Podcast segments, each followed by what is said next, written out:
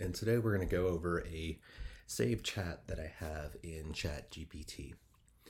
Um, so this is the prompt, this is the result of where I am right now, and I asked it about creating language learning journals when, or a language journal when you are learning that language. Like, frankly, how do you write in a language when you don't, when you're learning it? You don't know everything. So, um, you know, this Sorry, it's very cold outside. Um, so this is start simple. This gives you, you know, gradually introduce more complex sentence structures as you go.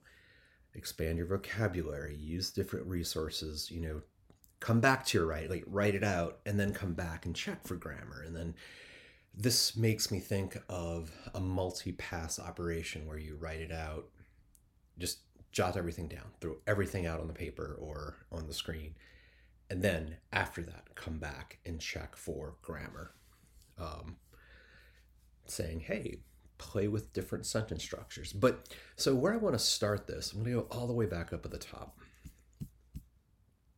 I started this this was just a kind of a brainstorming session. I just wanted to try to see what would happen. So as you can see i asked explain how you would spend time learning a new language. What would you use how would you map out your learning plan? And this spat back some, I mean, some pretty standard advice. Set clear goals, select your resources, immerse yourself. But what does all that mean? So, you know, and you can pause to read any of this you like. But um, so I'm like, okay, let's let's play with this a little bit more. So one thing that I typically do is I'll ask GPT Bing.chat or chat.bing is to create a table. And why I like creating tables is that you could add rows or columns, you can remove rows or columns, you could target a specific row or column, rename it, as you'll see here. So here's a table, same thing. It's the text is the same. And again, anytime, please feel just pause to read. Uh, so I said, hey, a third column with supporting research. So here, you know, this is talking about set clear goals, define the purpose of learning. Uh, and over here, this gives me a site or a source site that I could now look up. And if, if so interested, go down that rabbit hole. Uh, and for all these, so you can pick two or three that you might be interested in and grab grab this table, throw it in another document, and then move on with it. Um, but uh, this is just a thought experiment, so obviously I didn't do anything like that. And I tried another thing. This is another technique, ELI5. This is kind of made famous on Reddit, and it stands for Explain It Like I'm Five. So in this way, but this didn't yield the results I was hoping for. I mean, I, what I was hoping for was to have this description explained in an ELI5 version. Um, I mean, again, pause to read, but you can see that eh, it was okay. So I wanted to back this up. And I said, my mistake, can you go back and add the research column back? Which I wasn't expecting the research column to be overwritten. So I have my table back in its pristine form. And and you can see even here, these are simplified explanations. Obviously, it's you got to take all this with a grain of salt. And then I started to hone in on goals. Um, so this went from just a blank, hey, how do you learn a language, to playing with that table and then the idea of goals. Like, what do you mean by that? So I wanted explanation on that. Is hey, define these goals. What do you mean by that? And this really struck me. This was this was great. Conversational proficiency because I I never like I'm not emigrating to the the country where I'm learning the language. It's really just an interest to me. Um, and converse, this one right here is great because in Chicago, there is an expat group that I occasionally hang out with. And I would love to have the first five ten minutes of the conversations with people in my target language. Uh, I'd love to walk up to them and say, you know, qua fretta, uh, you know, qua and be able to understand what their responses are to me. Um, so again, here I have this bulleted point list, and I'm like, hey, make a table. So here we have a table. Again, it's a tabular piece of data. So we can add, remove, and play around. So I'm like, hey, what's the CEFR level? That's the Common European Framework of References for Languages. And you can see even here, I mistyped CEFT and it corrected it for me.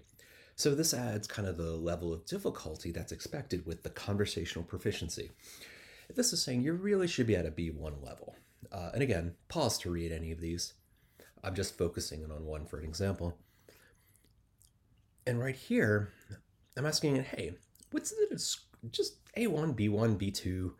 I mean, I, I basically know that's, you know, high, lower, lower upper beginner, lower upper intermediate. But what does it mean? There's actually really clever descriptions of all of these. So I said, hey, give me a little bit of that description. And for right here, this is saying, hey, you should be able to handle most situations while traveling or in social condition, conversations. So I'm like, okay, well. So then we go down a bit more, and that, you know, just gave me a bit more of a clue. And then I said, add a column called practice.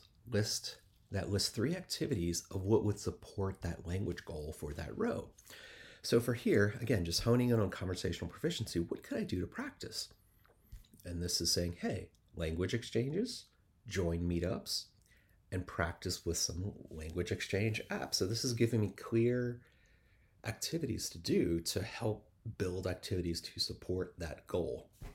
Um, and again, pause to read for any of these other activities. And again, this is not like earth shattering advice. This is just kind of just brainstorming, which I've landed here. So I said, hey, reconvert this back to a list and here we go. So this is so I now have like conversation proficiency with description of the goal, roughly a time frame that you know if you focus in on. I mean, obviously this is just a guess. Um, CEFR level, and a couple of practice ideas. Um, and then pause to read any. And then here, so then again, this is just a brainstorming session. So one thing that I like to do is keep kind of like a, a day journal in my target language. And again, this is one of those things where you're keeping a journal, but you're learning the language. So, how does that actually make sense? How am I supposed to write in a language that I'm learning? I don't know all the rules and I don't know everything. So, this again, I mean, simply it is this is where perfect is the enemy of the good. Um, so, I said, you know, I asked it, expand more about a language journal. How do you keep up with it if you were new to the language? And here we are. This is spitting back some pretty general ideas.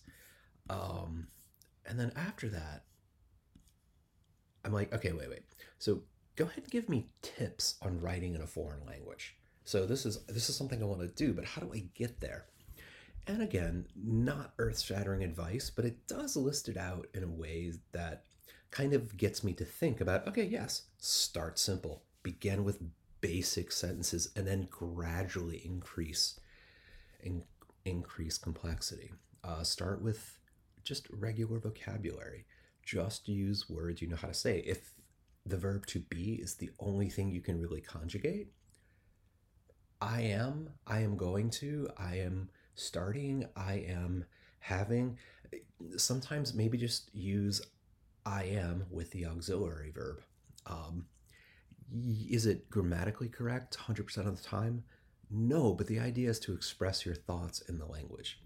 So it just reminded me again, start simple and gradually add on complexity. But here, come back and check. So once you dump your thoughts to a page or a screen, then later come back, check it over. So, in other words, operate almost with two minds one is the creative mind, and one is the evaluative mind. And again, pause to read. This take these steps as you need and as you need to use them. And then finally, I said, you know, this is where we started. Expand with two or three bullet points for each one of those headers above. And I just wanted more of the idea to come through. Uh, so again, so just focusing on this first one, start simple. Begin with basic sentence structures to build a strong foundation. Focus on commonly used vocabulary expressions and gradually introduce more complex. So again, nothing earth shattering, but this is just one way if you wanted to come through and expand and brainstorm to build kind of a language learning plan or explore topics a little bit more. This is just one tool to do that. Now, could you spend too much time in this and not actually on the language? Yes, that is a real danger, but um, luckily, a lot of these software packages and uh, generative AIs do speak multiple languages. And maybe that's something we'll touch on next time. But happy language learning. Good luck.